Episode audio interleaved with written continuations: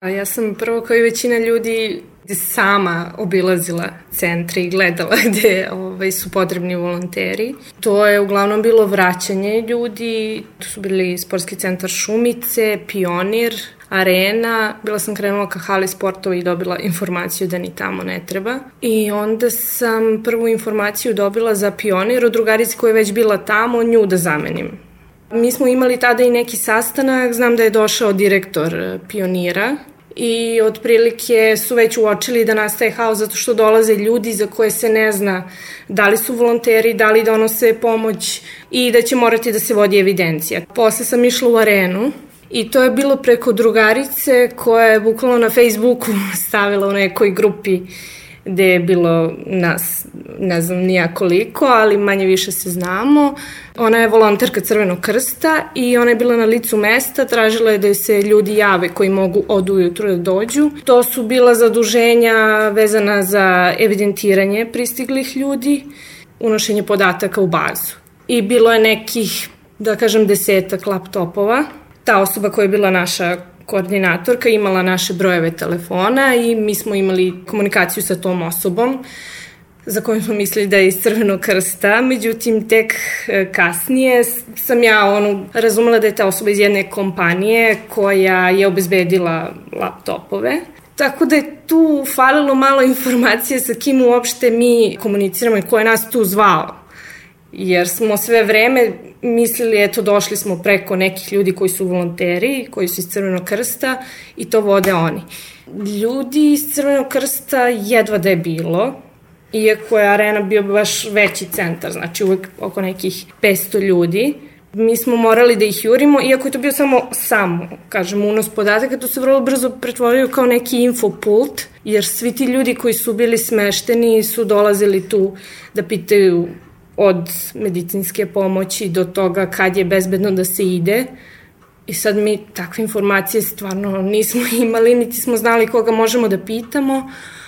I to se svodilo na našu neku ličnu inicijativu gde smo mi svi gledali smo koje su potrebe sa nekim ljudima sa kojima smo u komunikaciji da ako možemo mi to obezbedimo jer je bilo nekih nas, da kažem, desetak prijatelja koji smo se tako nekako organizovali da jedan deo nas bude u nekim prihvatnim centrima, neki obilaze centre, kolima gledaju šta treba, drugi sakupljaju pare, pa smo napravili mi neku našu neformalnu, tako da kažem, grupu za podršku, ali smo bili u komunikaciji i sa drugarima koji rade u nekim fondovima, koji su sakupljali te veće količine pomoći I mi smo im direktno, jer oni nisu mogli da dobiju informacije uvek ni od Crvenog krsta, koji opet kažem nije ga bilo tu, da smo mi mogli nekog da pitamo, nego se to nekako automatski prenala ta vlast, da kažem, na nas to organizovanje.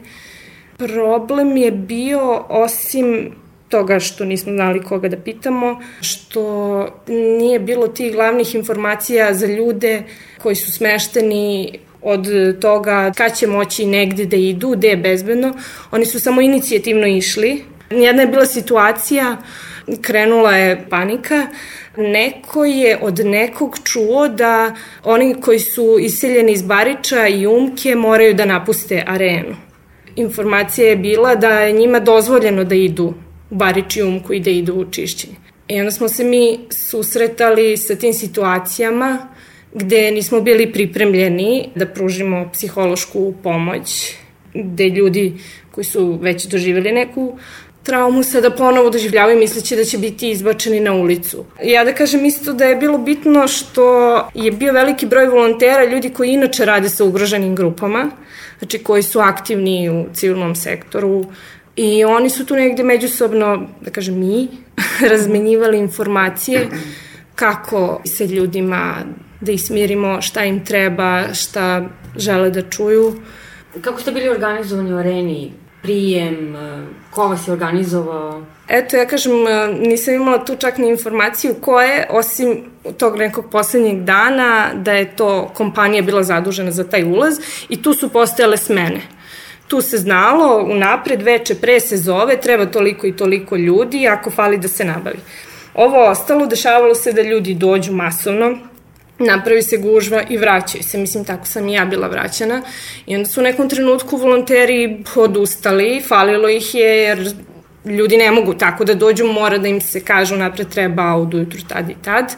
I isto šta nam je bio problem, kada su posle tog prvog dana ljudi dolazili koji su bili u privatnim smeštajima da pitaju gde mogu da podignu hranu i stvari. Mi smo imali situaciju da sada ljudi koji dođu iz nekih drugih opština a ja znam da u areni ima gomila hrane, oni ne mogu njima da odvoje, nego se povremeno pojavi Crveni krst i kaže ne, oni moraju da idu na opštinu na koju su prijavljeni. I sada smo mi bukvalno, evo, ja kažem svoj primer, u svoje ime, koristili tu situaciju da nekad kada nema nekog iz Crvenog krsta i kada vidimo da su neki ljudi već obilazili ne, neki drugi Crveni krst koji u tom trenutku nije imao hrane, njima je stizalo redovno, oni su imali, ali dođu ljudi izgladnili nekoliko dana, mi smo ono samo inicijativno im davali manje neke količine, nas nekoliko. Znam da su saznali iz Crvenog krsta, nekoj devojci su rekli da ne dolazi više, koja je to radila. E sad, isto kako smo mi to saznali, nama niko nije rekao to iz Crvenog krsta, nego smo mi svi sami zvali direktno opštinu po opštinu, kad nam se nađu ljudi tu. I eto, tako je to izgledalo sa tim nabavkama. Subota veče 17. i posle svih tih apela da se pomogne, ja i drugar smo odlučili da odemo kolima prvo do pionira, jer smo preko društvenih mreža, mislim na Fejsu videli da je u pioniru dao centar svega, dao je, dao je najpotrebnija pomoć. Da, bilo su najpotrebnije kutije, mi smo otišli prvo do metroa na Ibarskoj magistrali, tamo su nam dali, pošto oni te kutije slažu, i uzeli smo brdo kutija iseka i doneli u pionir, prvo to. Stavili smo to, nam je neko rekao gde da stavimo i onda nas je jedna žena zamolila da u svoj to gunguli, nema mesta za volontere tu, ali da ako imamo auto, hitno su dobili informaciju preko isto društvenih mreža, pošto očigledno drugačije nisu mogli da se organizuju, a to su ljudi iz Crvenog krsta, da je hitno potrebna hrana za bebe, e, oprema za bebe, pelan i tako dalje. Znači nas dvoje i dve žene, njoj se pridružila još jedna devojka volonterka, napunili smo Peugeot pun hrane za bebe, opreme, gepek, zadnje sedište sa njih dve i otišli do hotela Slavije, da bi nas tamo ljudi iz Crvenog krsta i obezbeđenja bukvalno rekli ispred ljudi mi ne znamo šta ćemo sa hranom za bebe i svim tim stvarima, evo, ajde, uđite i staviti, stvarno smo ušli unutra, popeli se na sprat, e, puno svega. Tu je još bilo nekih kontradiktornih situacija kada je čovek koji je to pošao za nama kombijem iz pionira, dva kombija puno odeće, njemu su u pioniru rekli da dođu u hotel Savio i su ga data rekli ne, ne možemo ništa da uzmemo, idite u pionir. Čovjek je rekao, pa ja sam sad bio u pioniru, pa kao ne znam, idite ne, u spojci centra Šumice. Mi smo se vratili u pionir da vratimo te dve volanterke, tamo nas je, eto kolika je ta dezorganizacija bila drugog dana, da nas je tamo opet saletela bukvalno na ulazu devojka i kao, vi ste ti momci s autom, hitno treba nešto da se odveze. Mi smo bili u fazonu, naravno, gde treba šta. Treba hitno u hotel Slaviju hrana za bebe i odeće za bebe. Do te mere je bila dezorganizacija. Opet kažem, ljudi koji imaju mobilne telefone, ako već nisu imali Motorola ili šta već, iz Crvenog krsta koji svako mogu da se čuju, da, da se bar na tom nivou organizuju.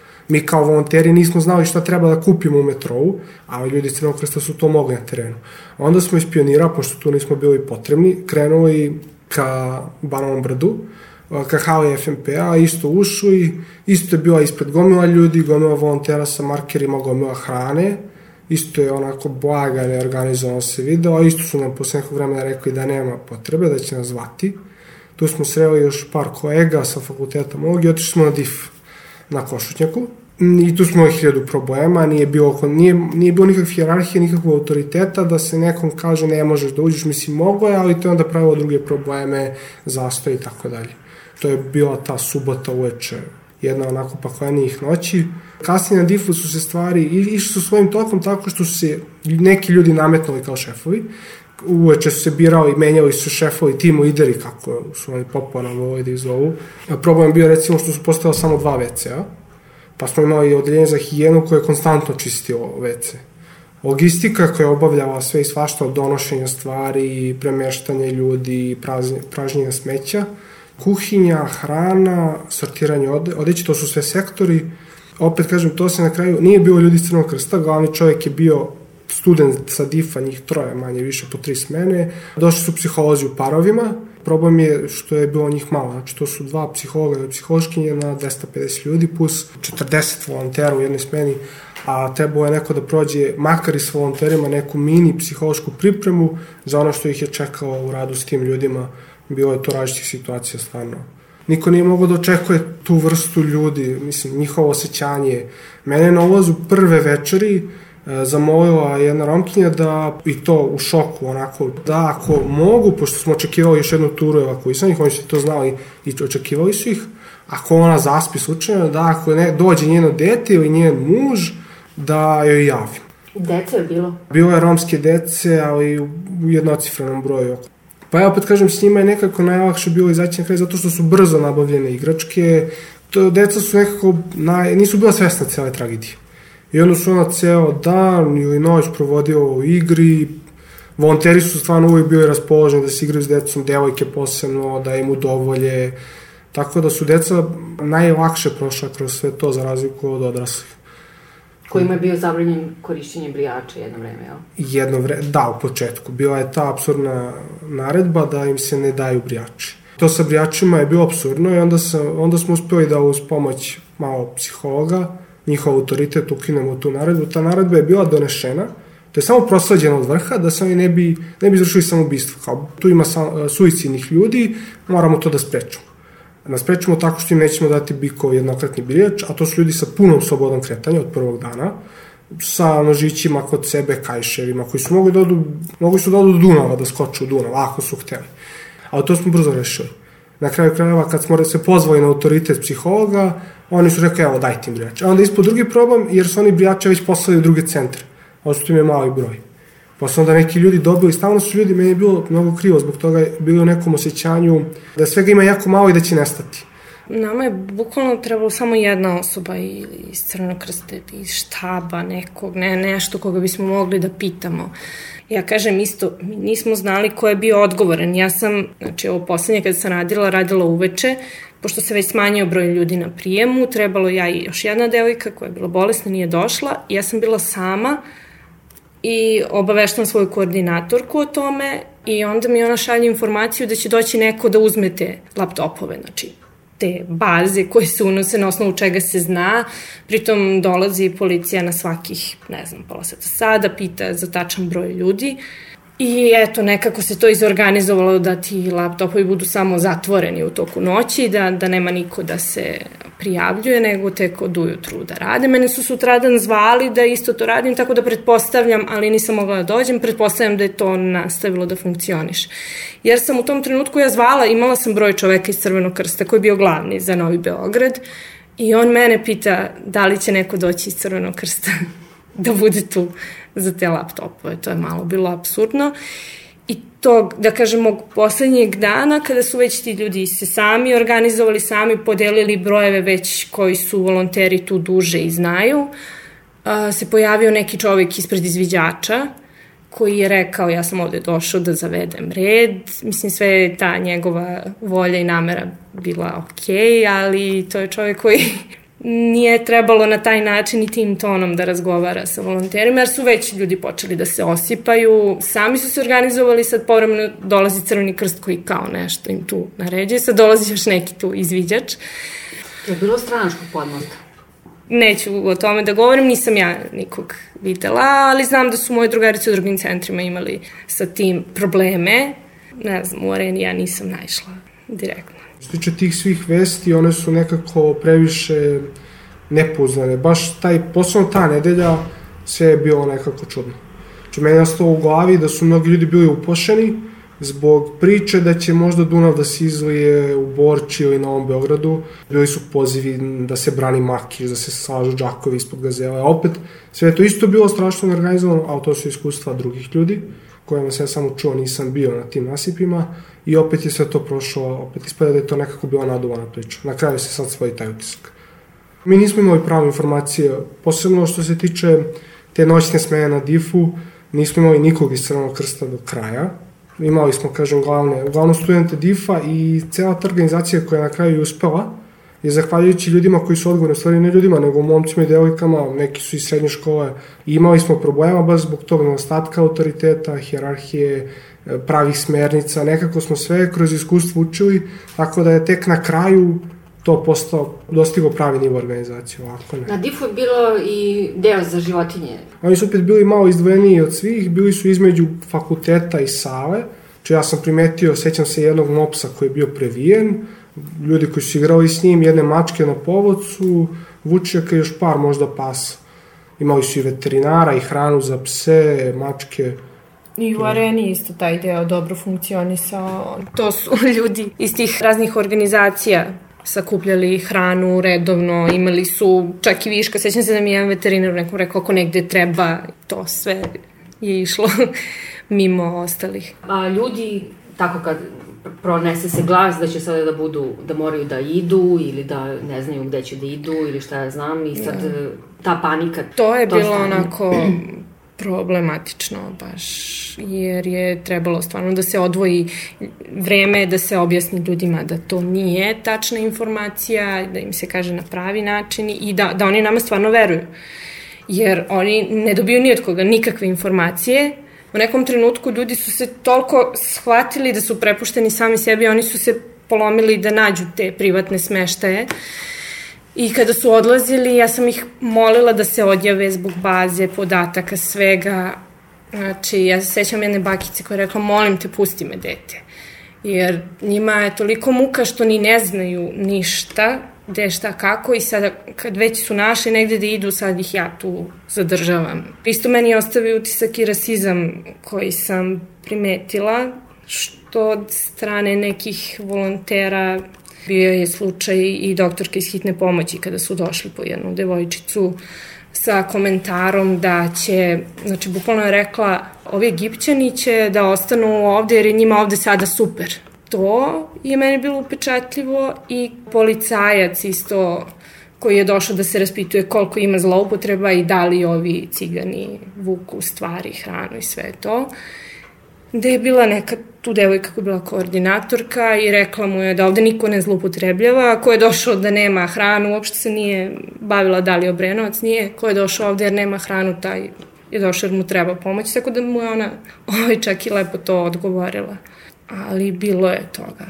I čak i ljudi koji su dolazili povremeno da pitaju ili ima pomoć, mislim da ljudi nisu znali da je veliki procenat Roma tu i možda je malo i splaslo, da kažem, to interesovanje šta se dešava sa svim tim ljudima kada su videli da su tu neki ljudi koji inače su siromašni, koji eto, da li će se snaći ili šta, ne, ne znam kakva je njihova predstava bila, ali to je malo splaslo kao što sam ja primetio već i u, na samom difu prve te nedelje, a, uglavnom su ili romske porodice sa više dece ili stariji parovi beli, kako se zove, tako izrazim, oni koji nisu imali gde da odu, znači da li stariji samci, da li stariji penzioneri, Znači, oni su ostali u Savi. Svi koji su mogli su otišli kod nekih svojih rođaka, familije, prijatelja i tako dalje. Sad i to isto zbog te panike koja se ovako širila, jedan od uzroka, mislim, neću reći šta sam sve slušao od ljudi, ali je to što su imali veliko nepoverenje u vlast. Znači, oni su već više puta u toku te same poplave i tragedije bili, dobijali pogrešne informacije, dobijali su neke informacije za koje se postavili da nisu tačne i oni su bukvalno sumnjali u sve i svako. Osim volonter na kraju kad smo izgradili neki odnos sa njima, posle par dana onda je tu došao do nekog poverenja i svega ostalog, ali ovako neke zvanične informacije su baš sumnjali. I kako sad to iskustvo, kako vi to procesuirate? Prižate među sobom, jel se skupljaju te informacije? Jel... Mi pokušavamo da na neki način sačuvamo te informacije, da napravimo, da vidimo da izvučemo ta neka iskustva za kasnije. A ovako što se tiče ovo, evoluacija od strane države, toga nema stvarno. Državu ne zanima Ne zanima, mislim. Ne znam kako da to protumačim. S jedne strane, to iskustvo nije ništa komplikovano, moglo je to, znači u startu da se organizuje tako, s druge strane možda nekog baš i nije briga. Manje više se, tiče se taj utisak, evo, sad je bio i neće se više nikad desiti. A jesu bitne iskustva. Ja kad baš gledam koliko, znači nam je trebalo 7 i 8 dana da se iskristavišu te ekipe odgovornih ljudi koji bez obzira koliko smo se mi zgotivili međusobno koji su htjela to da urade i koliko, koliko je nama trebalo da dođemo nekih prostih iskustava.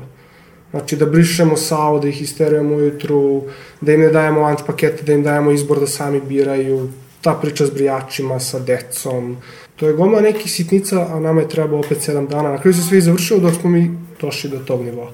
Šta je tebe motivisalo da se uključiš, da se uopšte Pa- upleteš u to? Ne znam da li su ljudi toliko razmišljali ono, u tom trenutku da ih nešto motiviše, nego smo kao eto videli to se dešava, ko šta može neka radi, mislim, ko ima pare neka kupi, ko ima vremena, hvala Bogu, ima nas puno nezaposleni, Da. a ima puno ljudi koji inače volontiraju po raznim centrima i shvatili su to je potreba, to idemo, to je sad to. Mislim. Jel te iznenadilo da, da države toliko nema u tim najelementarnijim stvarima? Ja sam to očekivao u, neko, u nekoj meri, ali ono me jeste stvarno iznenadilo. Znači, taj haos, to rasuo, mislim, ja i drugar opet smo krenuli tim motivom, malo smo naseli na svu tu propagandu, na tu žvaku, idemo da pomognemo, idemo da učinimo, sad je prilika stvarno, znači sve to, ako i pričamo već o tome, sad moramo nešto da učinimo, sad smo potrebni. Mi smo mislili da ipak ima nekoga, da ima neke organizacije, da ima države u nekoj meri. A ono što smo zatekli je baš bio haos. I na kraju smo i ostali zbog toga, zbog ljudi koji smo upoznali, zbog toga smo videli da se to neće samo od sebe završiti, niti da se neće samo od sebe popraviti, da jednostavno ljudi, da treba ljudi.